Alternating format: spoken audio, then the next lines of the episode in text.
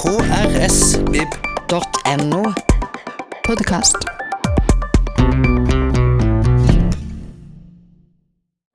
Hei igjen. Og det er fint med de som bare holder på og holder på her. På er det del fem nå vi er på i dag? Eh, del syv totalt. Eh, om halvannen time så kommer altså Anne Hege Simonsen, som har skrevet biografi om um, Marie Hamsun i samtale med Vigdis Hjorth. Den første ordentlig helhetlige biografi. Så det blir spennende. Hun har ikke vært og snakka om den noen andre steder før. Så gled deg til det. Nå skal vi få besøk av en jurist og litterat som kjenner både forfatterskapet og sagaen som eh, André Bjerke var opptatt av i forhold til rettssystemet. Eh, så jeg vil bare si Nå går vi inn i en spennende uh, forelesning. Ta godt imot Cato Schjøtz.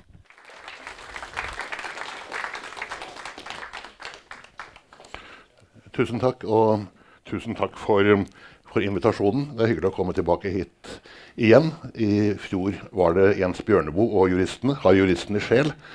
Uh, det var Jens Bjørneboe litt i tvil om. De hadde kanskje sjel, men den var annerledes enn en andre folks sjel. I dag er det altså fetteren, Jens Bjørneboe, unnskyld, André Bjerke, eh, som var eh, to år eldre. Bjørneboe er født i 20, Bjerke er født i, i 18. Eh, noen har spurt eh, om tittelen 'André Bjerke, en meget en svært vital hundreåring'. Er ikke han død? Nja, ville vel André Bjerke sagt. Han trodde på reinkarnasjon. Er nå det så sikkert, da? Eh, han har nå i hvert fall et svært levende forfatterskap. Og det er det forfatterskapet som er tema i dag. Mitt eget ståsted er veldig greit. André Bjerke tilhører og har alltid tilhørt eh, mine litterære ikoner. Jeg har lest André Bjerke i over 50 år. Leser han fremdeles med stor glede.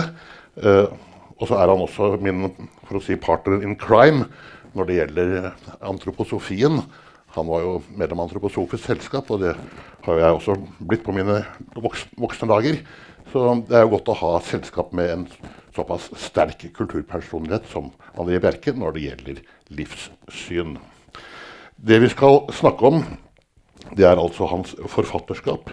Og vi skal da eh, særlig peke på både André Bjerkes grundighet, hans kunnskaper, og hans allsidighet. Og ikke minst påpeke hvordan dette forfatterskapet har stor aktualitet i dag. Og kanskje større aktualitet. Det lever i større grad enn jeg vil tro noen av hans samtidige forfatterkolleger, Jens Bjørneboe inkludert. Det er i hvert fall tema. Før vi går inn i forfatterskapet, så skal vi bare plassere han veldig kort i tid og rom. Han er født 30.1.1918 Eh, i eh, Østre Aker, altså nåværende Oslo. Han tar artium i 1936 på Fagerborg, en veldig god artium. André Bjerke var jo hyperbegavet. Han studerte ved Universitetet i Oslo, først matematikk, så gikk han over til sosialøkonomi. Og han har faktisk førsteavdeling sosialøkonomi fra 1940. Så fant han da ut det at det var ikke på noen måte noe for ham, så han eh, kuttet ut videre studier og bega seg forfatterskapet i vold. Og debuterer i 1940 med lyrikksamlingen 'Syngende jord'. Og under krigen så kommer det ytterligere eh, bøker fra han. En ny diktsamling og to krimbøker. De kommer vi tilbake til om to strakser. Og både lyrikksamlingene, både diktsamlingene og ikke minst de to krimbøkene som han skrev under pseudonymet Bernhard Borge, var en kjempesuksess. Eh, han tjente svært gode penger og kunne leve allerede fra dag én av sitt forfatterskap. Eh, etter krigen så hadde han en, et problem i forhold til det som blir betegnet som æresretten. Eh, et organ som Forfatterforeningen satte opp for å undersøke og straffe de forfattere som ikke hadde utgitt en tilstrekkelig nasjonal holdning under krigen. André Bjerke hadde oversatt en bok fra finsk, Fredrik Ståhl Segner, sammen med sin far og ble utgitt på et NS-forlag. Og Det medførte at han i første omgang fikk en refs for det. Så ble den opphevet fordi André Bjerke hadde utvist en klart nasjonal holdning under krigen. Jeg vet at 15.12. skal det være et møte i Forfatterforeningen. Uh, og der vil Forfatterforeningen ta et kritisk oppgjør med sitt eget organ, sin æresrett. Og har grunn til å tro at man da vil få en formell unnskyldning i forholdet til André Bjerke.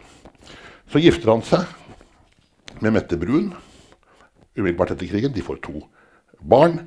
Eh, eh, og så er han da gift frem til slutten av 50-tallet.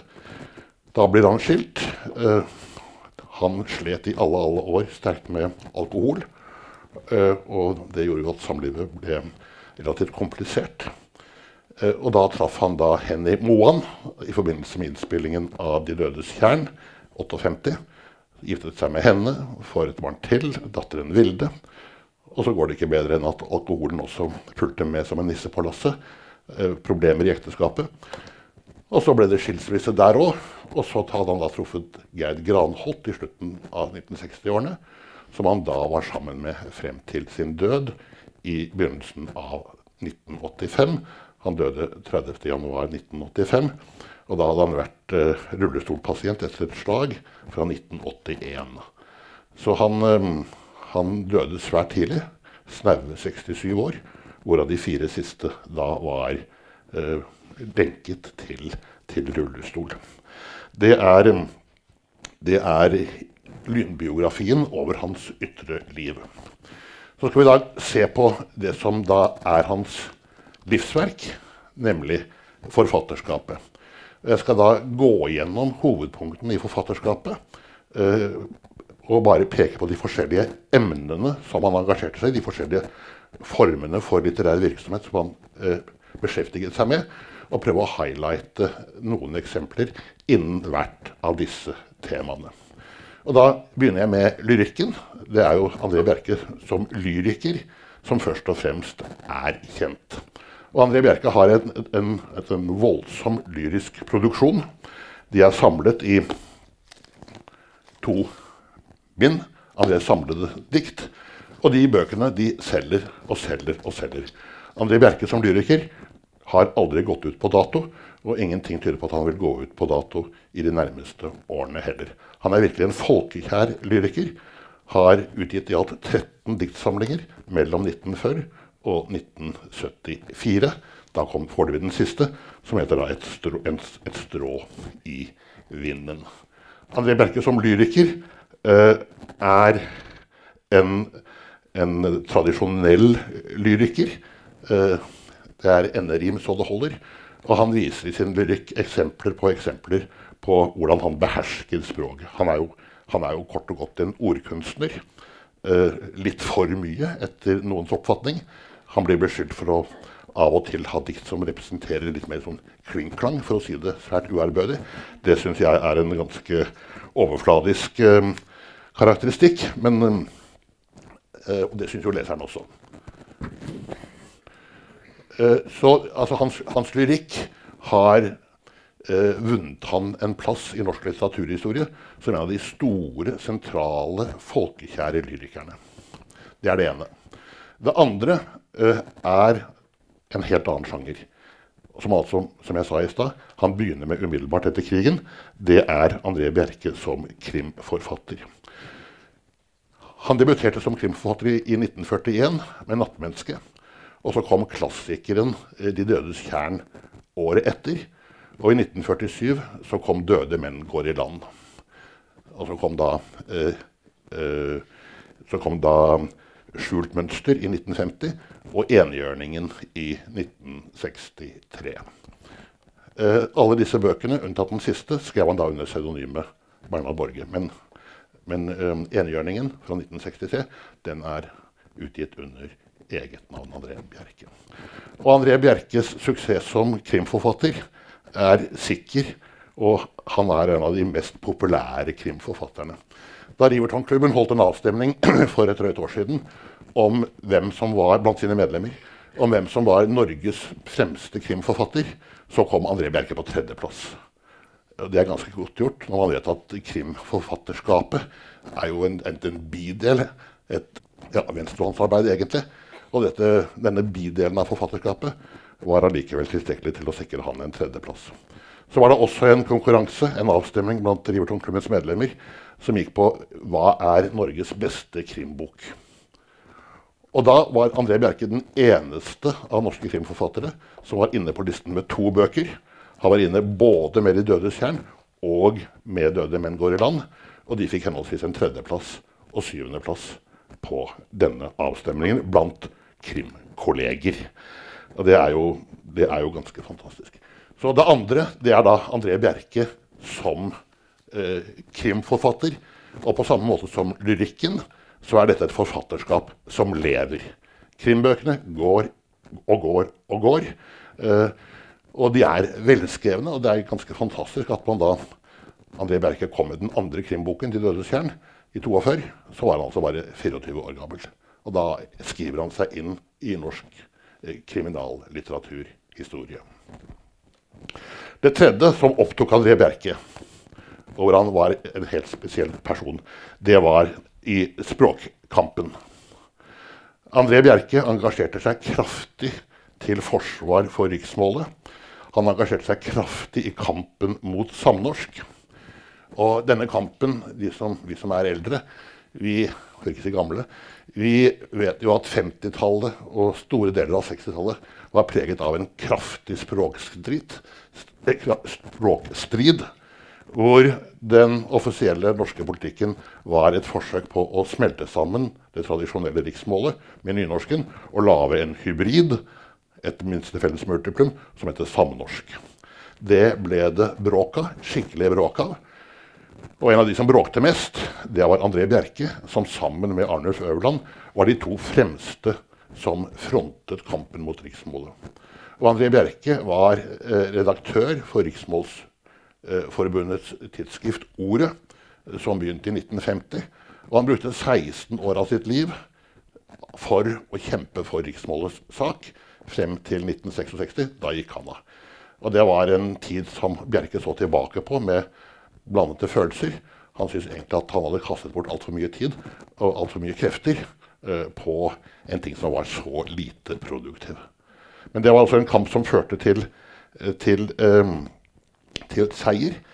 Eh, det er selvfølgelig historie, men det er ett produkt fra denne språkkampen som fremdeles er aktualitet. Det er én bok som fremdeles selger og selger og selger. Og det er en bok fra 1960 som heter da André Bjerkes ABC. Eh, den kjenner svært mange til, og den går i stadig nye opplag. Så uh, språkkampen og språkbidragene er vesentlig. André Bjerke var veldig opptatt av godt språk. Og det er jo en tradisjon som i dag og de siste årene er ført videre gjennom bl.a. Per Egil Hegge og Helene Uri, eh, som jo er veldig opptatt av godt språk. Det, det, er jo mange spalter som, som står i tradisjonen etter André Bjerkes innsats på 50-årene. Hva er godt riksmål? En, en, veldig viktig kulturjobb. Og mot, kampen mot samnorsk ble da selvfølgelig også preget med, med hell, med seier. Det vet vi alle sammen. Samnorsken er i dag stein daud. Og jeg tror ingen savner den heller, for å si det rett ut.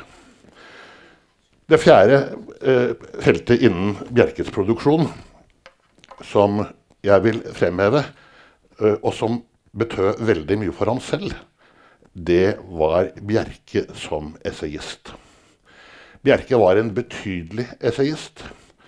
Han sa en gang om omtalen av at eh, folk flest de, de, roste ham for hans glitter, men hånet han for hans gull. At han, han fikk da ros for det som var mer sånn lettvint uh, si, litt sånn kjekk skrivning. Mens det som virkelig var hans uh, dype, eller dypere budskap, som han da utmyntet i essayene, de fikk ikke den samme gjennomslagskraften.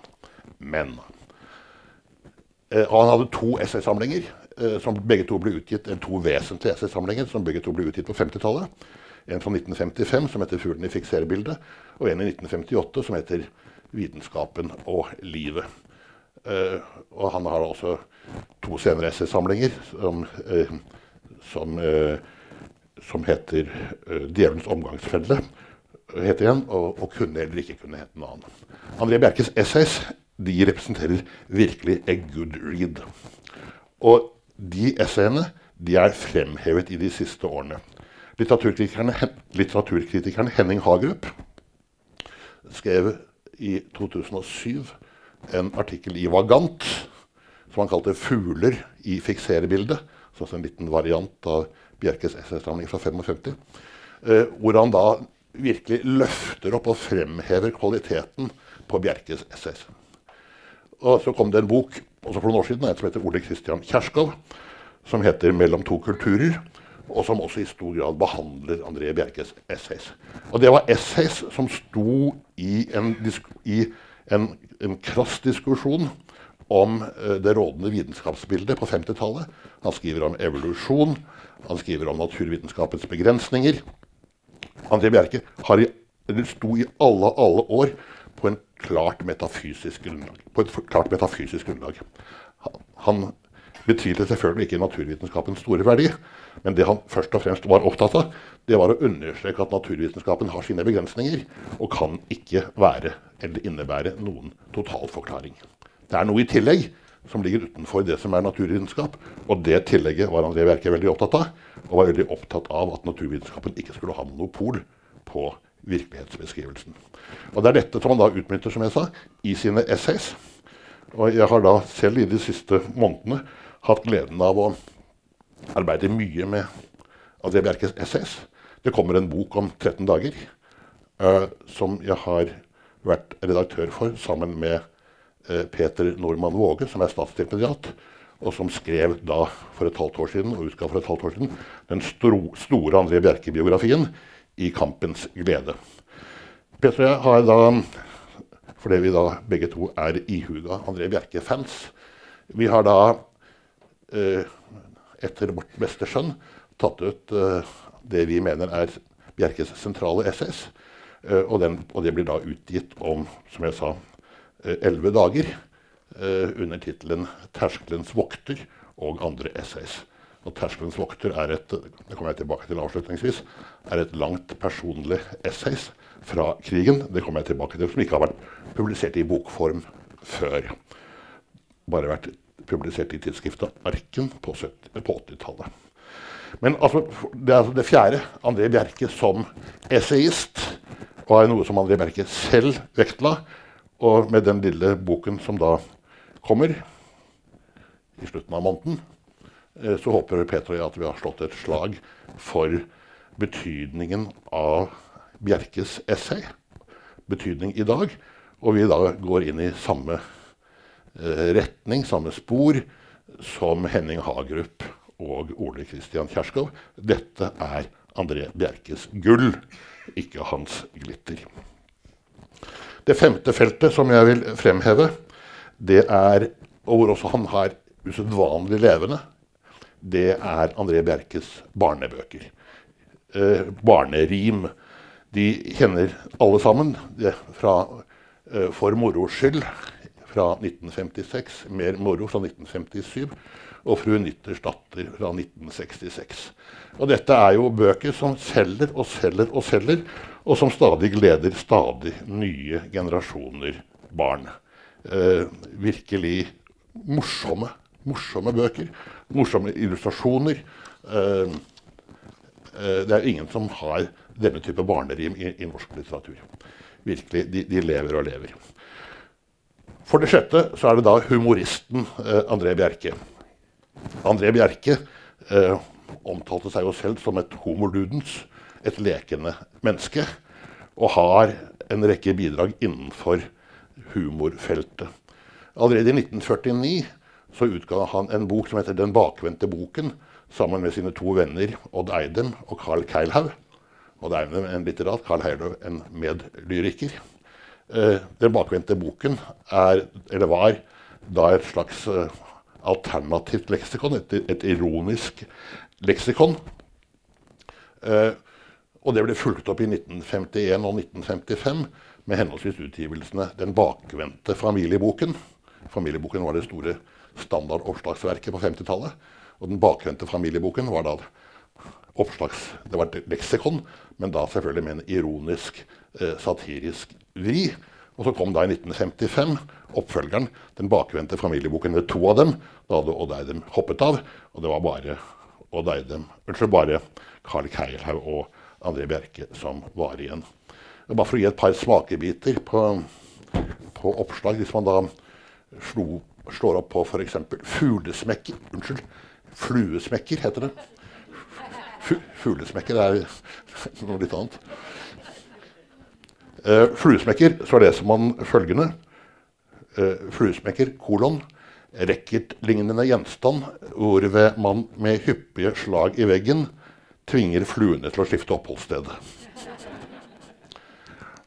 Så har vi da en definisjon på, på infanteri. Infanteri, den delen av det norske forsvaret som flykter til fots.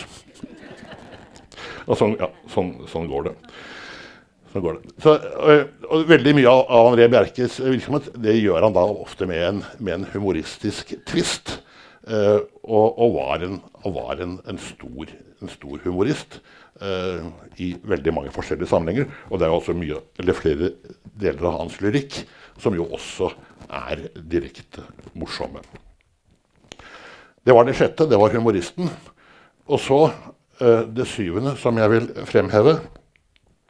Det er jo en viktig bok i disse Magnus Carlsen-tider.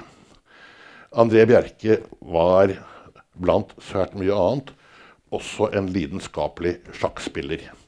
Han var tilknyttet sjakklubben Stjernen og var eh, aktiv Eh, særlig på 50-tallet. Og man skulle tro at med André Bjerkes glitrende begavelse, høy IQ, så ville han være en, en sjakkspiller i, den absolutte, i det absolutte toppsjiktet. Det var han ikke. Han var en meget god sjakkspiller. Eh, men jeg tror aldri han var la oss si topp 20 i landet. Men han, han var veldig god brukte veldig mye tid på sjakk. Ble veldig fascinert. Han hadde jo en egen evne til å bli veldig engasjert i alt han drev med. Og brukte veldig mye tid på sjakk. Og for de som da er inne i sjakkhistorien og inne i norsk sjakkverden, så er det da slik André, at André Bjerke sammen med Carl Keilhaug de er særlig forbundet med en spesiell åpning for hvitt. Evans-gambitten, oppkalt etter den gamle engelske sjøkaptein Evans hvis man lurer på hva det er, så spiller da vi tidlig i partiet B2-B4, så vet dere det, og ofrer en bonde. Det var da en gjennomanalysert, så de mente at, de, at, dette var et veldig god åpning. Men tiden har da vist at Evanskabitten den er ikke noe bra. Den spilles ikke. Den er på det historiske sjakkmuseet. Men, men det viser altså hvor, hvor altså, lidenskapelig Bjerke var. Og det er en og det er helt i sjakk, norsk sjakklitteratur, som jo har blitt beriket uh, med flere bøker de siste uh, årene. Det kom en ny bok nå i høst, 'Sjakkgeniene' av Atle Grønn og han eh, Lahlum. norsk sjakklitteratur når det gjelder for det brede folk, begynner med André Bjerkes bok i 1968. Og den ble så populær at den kom ut på en ny utgave, en utvidet utgave i 1975. Og i den senere norske sjakklitteraturen, som vi da altså har fått flere eksempler på i forlengelsen av Magnus Carlsen, eh, så blir jo da André Bjerkes bok omtalt som den beste, sjakk, beste sjakkboken. Ikke bare fordi at den sjakkfaglig er god, men fordi også den representerer such a good read, eh, for å si det han, han, skriver jo, han skriver jo så godt, uansett hva han skriver om. Om det er naturvitenskap eller sjakk, så har han en, en glitrende og gnistrende penn. Virkelig Eh, det har vært en, en, leserfornøyelse i alle år. Så da André Bjerkes 100-årsmarkering ble markert i første halvår, så var det en egen eh, stor sjakktilstemning i Oslo Sjakkselskap. I Bogstadveien 30, for de som da er veldig interessert i, i sjakk. Eh, da var det en, et stormende fullt møte med eliten av norske sjakkspillere, som hadde da en André Bjerke-kveld hvor de da minnes André Bjerke som sjakkspiller og hans bidrag til Evansk når det gjelder Evansk-ambitten. Og da var det da eh, professor i russisk litteratur, er han vel, Atle Grønn, som da holdt en kjetrende tale over André Bjerke som sjakkspiller. Eh, men altså eh, Det viser da at sjakk For å bli veldig, veldig god i sjakk, så er det altså ikke nok å ha en glitrende begavelse, en glitrende intelligens. Da må man altså ha et eget sjakk igjen som gjør en rimelig nerdete, for å si det rett ut. Uh, og det lille ekstra nerdete sjakkgenet, det manglet André Bjerke. Derfor ble han bare god, meget god, uh, men punktum. Så boken, men boken lever. Uh, hans øvrige bidrag er bare sjakkhistorie. Men spillet i mitt liv, det er, en, det er en, fremdeles en, en virkelig stor leseropplevelse. Det var det syvende. Det åttende eh, det er André Bjerkes store kulturinnsats som oversetter og som gjendikter. Han har oversatt eh, de store eh, skuespillene i europeisk litteratur. Shakespeare, Molière, Racine. Men virkelig, det han virkelig selv satte høyest, høyest, og som han uten sammenligning brukte mest tid på, det var oversettelsen av Goethes Faust. Det var for André Bjerke et av de aller, aller største verkene i europeisk kultur. Og det var det for Goethe også.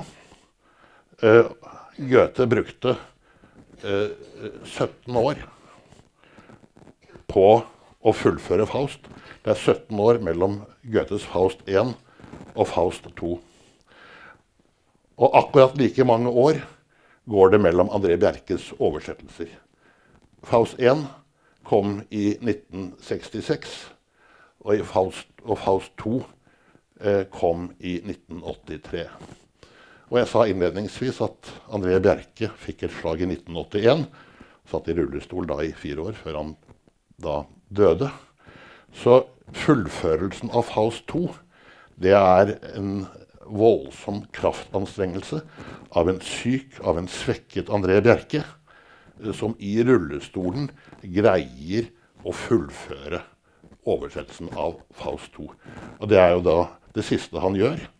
Eh, og da han da legger bort den oversettelsen, så tror jeg han følte at eh, nå var jobben gjort. Så det var noe han prioriterte. Det var et diktverk som var av helt sentral betydning for ham. Så har han jo da også, og det er da humoristen Og, og denne, denne, oversetter og denne for ikke si, gjendikterbragden som han sto for, særlig på 70-tallet, 60-tallet og 70-tallet. Det er den ja, eh, senere eh, delen av André Bjerkes liv hvor det er gjendiktning og oversettelse som er hans hovedbeskjeftigelser. Eh, men der, også, der, finner vi også represent, representanter for humor. Han oversatte eh, Bernhard Shaws eh, Pygmalion, eh, 'My Fair Lady', eh, til norsk. Eh, og der er det jo da professor Higgins som skal da lære opp Elizabeth Doolittle som da snakker et uforfalsket cockney-dialekt, skal lære henne å, å, og, og, snakke et uh, nydelig og prydelig Oxford-engelsk. Det er liksom tema i My Fair Lady. Og uh, denne, denne, kom altså i 1959 uh, i norsk oversettelse, midt i språkstriden. Og da hadde da André Bjerke den idé at det som da var Elisabeth Doolittles språk, altså Cockney, London Cockney, det eh, lot han være samnorsk. Så hele poenget er da å få da avlært Elisabeth Doolittle for hennes da samnorsk språkbruk inn i et proper, normert, vakkert og nydelig riksmål. Det, han var jo ikke særlig populær i, uh, si, i samnorske kretser før. Og mer populær ble han selvfølgelig ikke etter en, en, en slik stunt. Men det solgte. Eh, eh, det var en, selvfølgelig en, en, stor suksess. Det var det åttende. Så skal jeg da eh, gå inn på det som jeg virkelig har til felles. At jeg har to ting til felles med André Bjerke. Og de to tingene skal jeg dvele ved avslutningsvis. Eh, det nest siste og niende tema som jeg vil si noe om, da er vi tilbake i kriminallitteraturen. For André Bjerke skrev ikke bare kriminallitteratur, altså fiction. André Bjerke beskjeftiget seg også med true crime. Og det var to saker, to norske straffesaker, som han gikk dypt inn i. Som han arbeidet veldig mye med. Og da har da tilfeldighetene blitt slik at begge de to sakene har jeg arbeidet veldig mye med. Og den ene saken arbeider jeg veldig mye med den dag i dag. Og det er straffesakene og dommene mot henholdsvis Fredrik Fasting Torgersen og Per Liland. Og sammen med Ole Jakob Bae representerte jeg Per Liland uh, i forbindelse med at den saken ble gjenopptatt i 1993. Og jeg arbeider fremdeles med gjenåpning av Fredrik Fasting Torgersen-dommen, selv om Torgersen døde for tre år siden, i 2015. Den saken går, og vi får nå se hvordan, hva, hva, konklusjonen blir. Men på samme måte som André Bjerke for mange år siden var overbevist om at det har blitt begått et justismord, både i forhold til Per Liland og i forhold til Fredrik Fastin Torgersen, så er jeg av den samme overbevisning. Og la meg begynne med den som er avsluttet. La meg begynne med den siste først. Eh, saken mot Per Liland.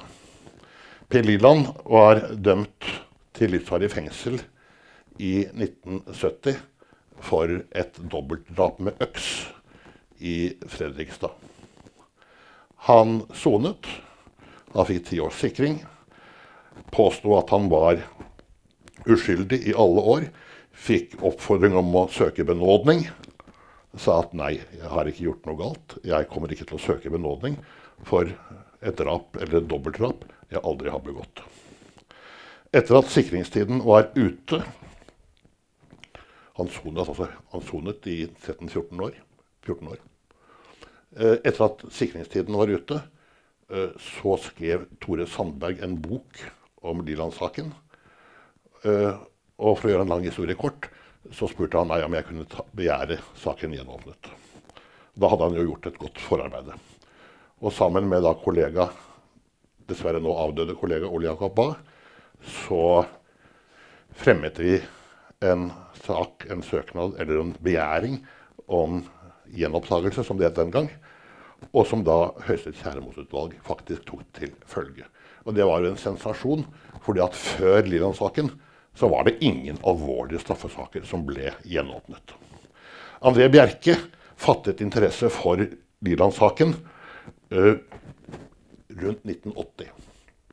Da hadde han kommet i kontakt med uh, den såkalte Benny Bankbox, som hadde sonet sammen med Liland, og som fortalte Bjerke at han var sikker på at Liland var uskyldig. André Bjerke begynte å jobbe med Liland-saken, og hadde umiddelbart før slaget i 1981 skrevet to store kronikker i Aftenposten, hvor han skulle da påvise at Wieland-saken eh, representerte et justismord. Så kom slaget, og han fikk ikke fullført den kronikken. Men da vi, Ole Jakob og jeg, eh, begjærte Liland-saken gjennom, så kom vi da i kontakt med en forfatter som heter Lars Tore Bø, som satt med André Bjerkes materiale. Og Lars Tore Bø utga i 1993 en bok basert på André Bjerkes arbeid med Liland-saken, som het da justi 'Øksemord justismord'. Og Det er en fryd å lese André Bjerkes analyse, som da var skrevet da 13 år før. Og det er jo fantastisk at en skjønnlitterær forfatter fatter en slik interesse for noe som ligger helt på siden av hans normale oppgaver, normale arbeider, og går inn med en lidenskap og med en stringens og, og med en grundighet eh, som det han gjorde. Liland-saken ble gjenåpnet. Liland ble frifunnet. Og han fikk en Jeg hadde selv gleden av å uh, prosedere erstatningssaken for han, og han fikk 10 millioner kroner i oppreisning for ikke-økonomisk skade og 3,6 millioner kroner i oppreisning, til sammen 13,6 millioner. Uh, og da var det en liten digresjon for å illustrere hva man slåss mot i denne type saker. Da vi prosederte spørsmål om erstatning, så var et argument fra påtalemyndighetens side at Per Liland skulle ikke ha full erstatning for sitt økonomiske tap. Man måtte gjøre fradrag for fordelen av gratis kost og losji. Det er rimelig umusikalsk, for å si det forsiktig. Så André Bjerke, hans engasjement i Liland-saken var tidligere enn eh, Tore Sandbergs, tidligere enn eh, denne svensken eh, Stene Ekeroth. Han, han, så at her var det noe som ikke stemte, og engasjerte seg. Det var Liland. Så er det Fredrik Fasten Torgersen. Da må vi gå enda lenger tilbake. Fredrik Fasting Torgersen ble dømt for drap og voldtektsforsøk på Rigmor Johnsen natten mellom 6. og 7. desember 1957. Det er over 60 år siden. Han ble i juni 1958 også dømt til livsvarig fengsel og sikring. Allerede mens, og på samme måte som Liland, så har han da kategorisk benektet at han var skyldig. Nektet å begjære eh, benådning. Og brukte hele sitt liv etter at han ble frifunnet, for å slåss for gjenåpning og frifinnelse. Torgersen-saken ble allerede mens Torgersen sonet, et hett tema. Og den som virkelig fikk temperaturen opp, det var Bjerkes fetter Jens Bjørneboe. Jens Bjørneboe gikk lidenskapelig til angrep på påtalemyndigheten. Gikk lidenskapelig til angrep mot dommen. Eh, og da i begynnelsen av 70-tallet, uh, eh, hvor han da engasjerte seg voldsomt. Masse artikler. Et eget skuespill som heter 'Tilfellet Torgersen', som ble oppført på scene 7. En voldsom indignasjon. Kanskje litt i meste laget. Det ble, det ble litt mye adjektiver og av og til litt raske konklusjoner. Men et voldsomt engasjement. I forlengelsen av Bjørneboes engasjement så fattet André Bjerke interesse for Torgersen-saken. Og han skrev en artikkel, og bakgrunnen for artikkelen var at VG-journalisten uh, Grunn Spang hadde skrevet en bok om Torgersen-saken, uh, hvor han da forsvarte dommen, forsvarte påtalemyndighetens teorier. Um, og Bjerke skrev da en lang artikkel i Dagbladet som han kalte 'Mordet i Skippergaten', hvor han da punkt for punkt for punkt for punkt gjennomgikk det som var de bærende premisser i påtalemyndighetens argumentasjon, og søkte å påvise at dette umulig kunne holde. En, virkelig en drepende artikkel, som det selvfølgelig også ble masse bråk av. Og den artikkelen synes Petter Normann Våg og jeg eh, er så god at den har vi forfremmet til plass i vår essaysamling.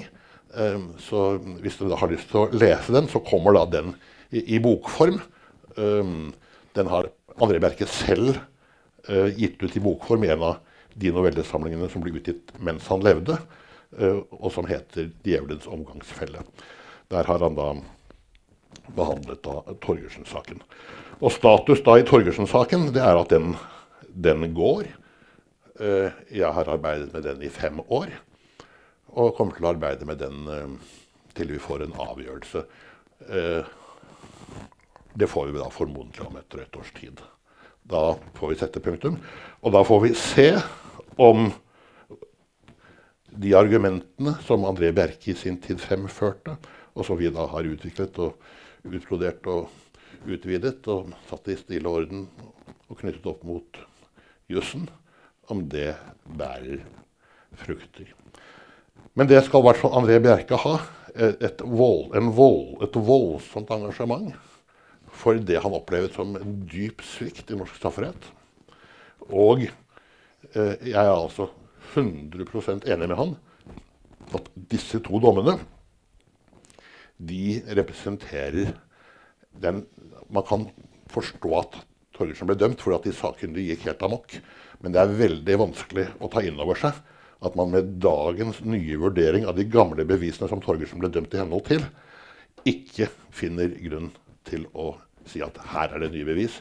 Torgersen kan ikke være skyldig. Vi får se. Uh, siste ord er ikke sagt.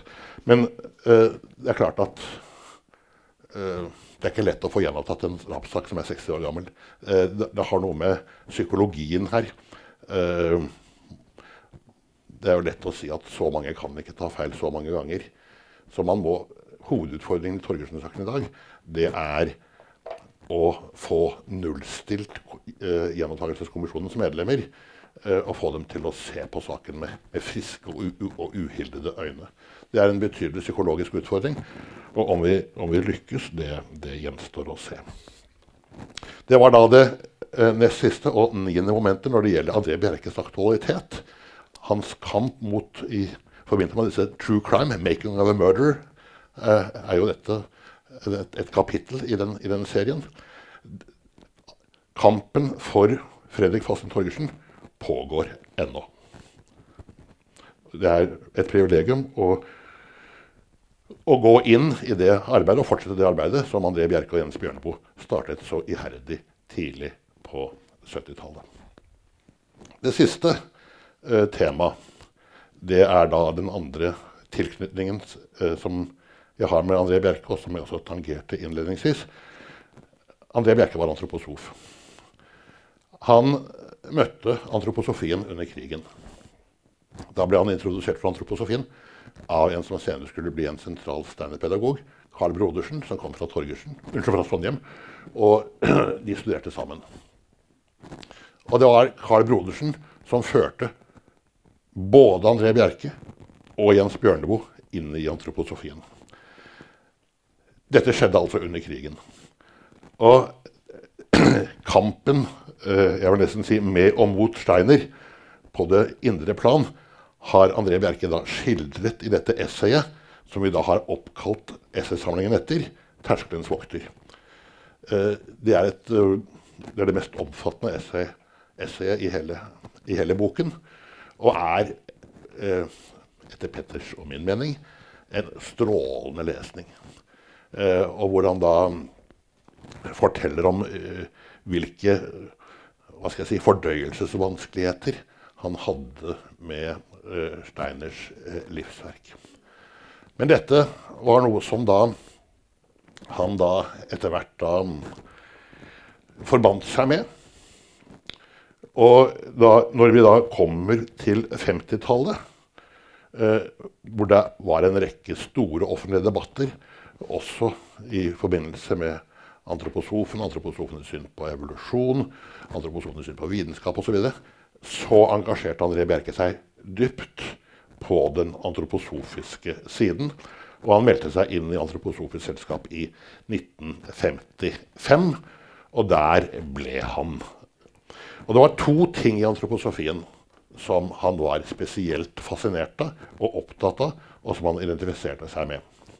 Det Steinerske huset er svært stort, har svært mange rom. Eh, og man kan jo ikke Med et livsverk på 350 bind så kan man jo ikke ha håp om å besøke mer enn noen rom. De rommene André Bjerke gikk inn i, og som han virkelig gjorde til sine, for å bruke et moderne motord, motbegrep, det var to ting. Det var Goethes farvelære. Og det var Steiners evangeliebetraktninger, altså kristologien. Steiner var i sine unge år en um, Goethe-kjenner. Arbeidet med Goethes naturvitenskapelige skrifter, herunder farvelæren. Og farvelæren var noe som André Bjerke gikk dypt inn i. Først så skrev han et essay midt på 50-tallet, 55, om Goethes farvelære. Og så utga han en hel bok i 1961 som kalles 'Nye bidrag til Goethes farvelære'. Og Goethes farvelære står da i et visst opposisjonsforhold til Newtons farvelære.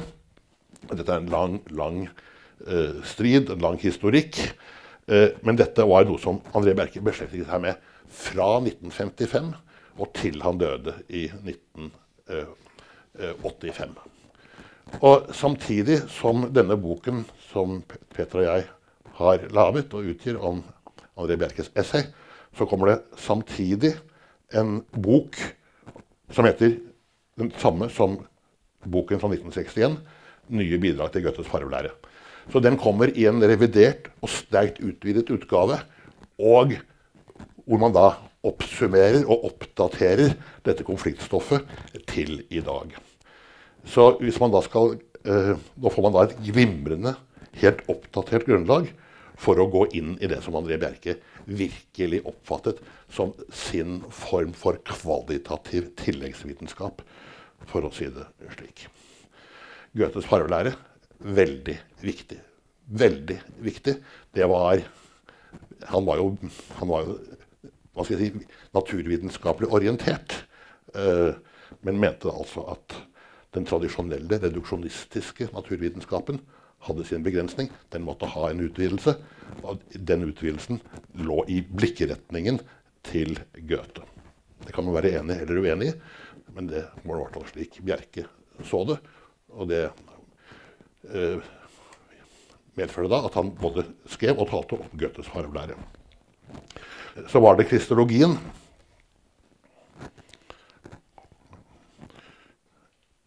Da er det jo slik at eh, for Steiner så er eh, Kristus eh, kjernen i antroposofien.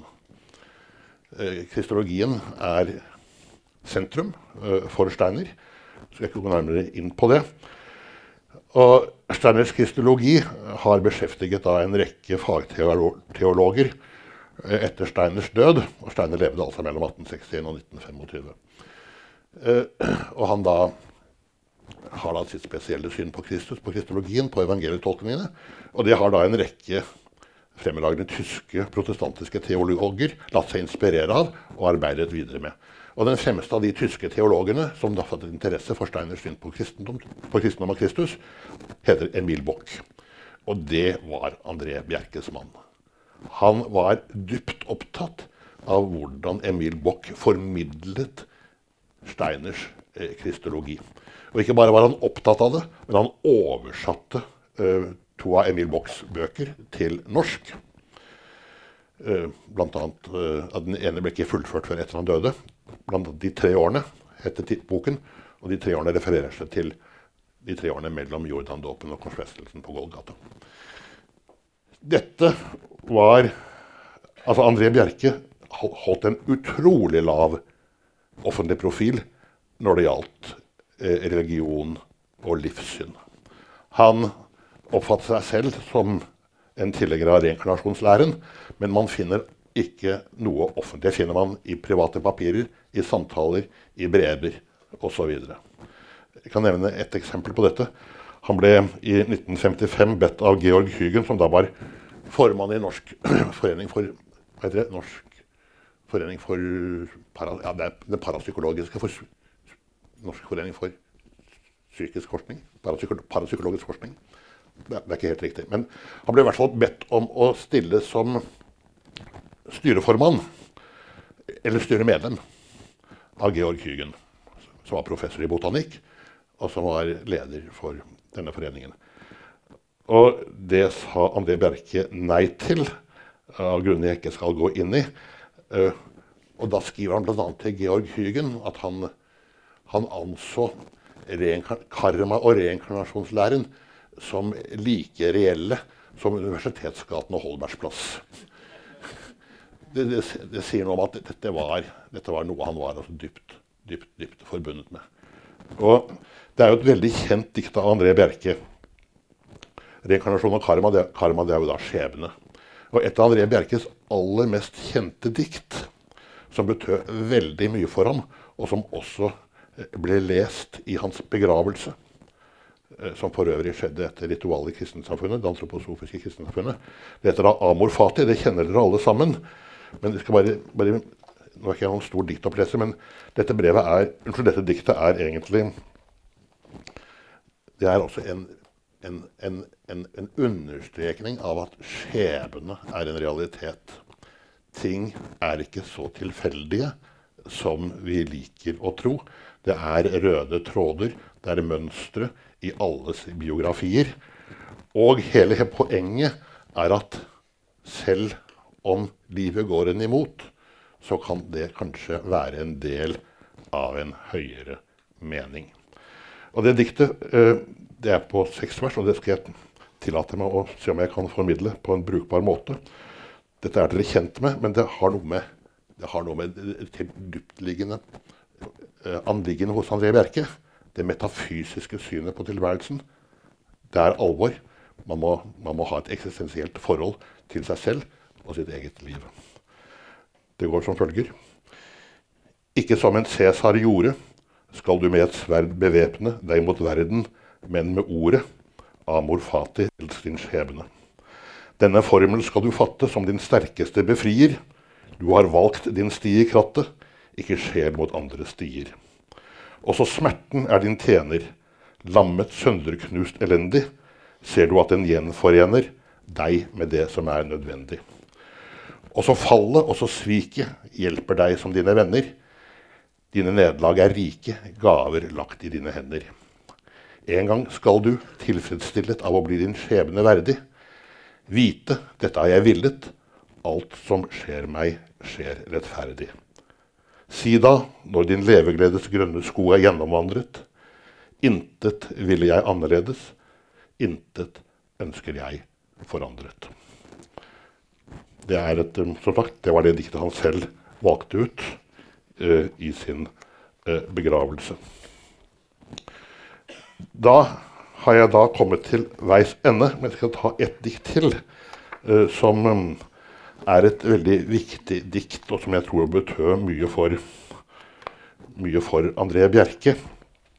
Det diktet har jeg da Det diktet har jeg ikke her. Hvis dere gir meg litt tid, så skal jeg prøve om jeg kan finne det diktet i Hvis dere gir meg litt tid, så skal vi se om jeg kan finne det. Det heter 'Ordet du aldri sang'. Og jeg tror det er fra en diktsamling som heter 'En skrift er rundt oss', fra 1966. Og det har jeg her. Og det går også på skjebnen. Og det er et, det er et veldig for meg et veldig sånn dramatisk dikt. For det hele temaet i diktet, det er Gjorde du det du kom for? Og Det henger jo sammen med André Bjerkes metafysiske syn på livet.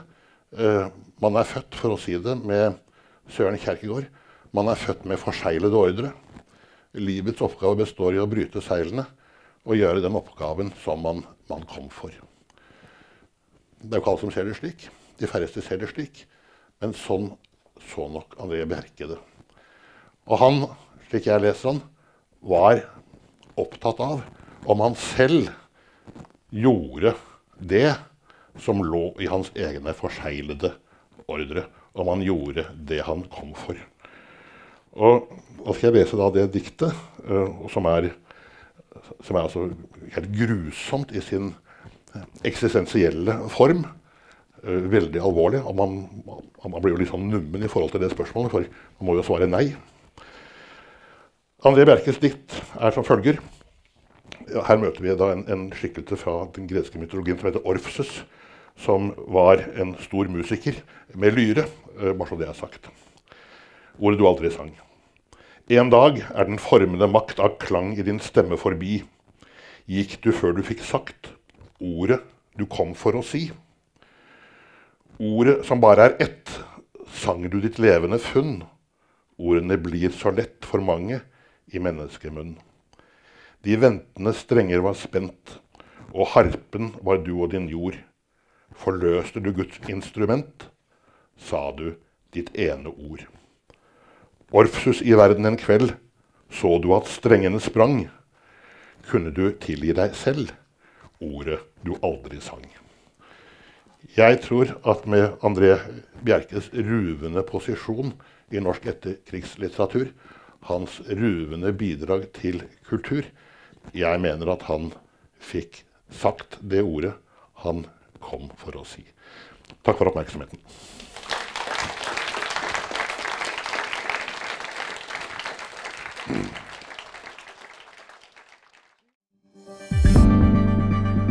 Flere podkaster fra oss finner du på Google Podkast, Apple Podkast eller iTunes, eller ved å stikke innom vår hjemmeside på krsbib.no.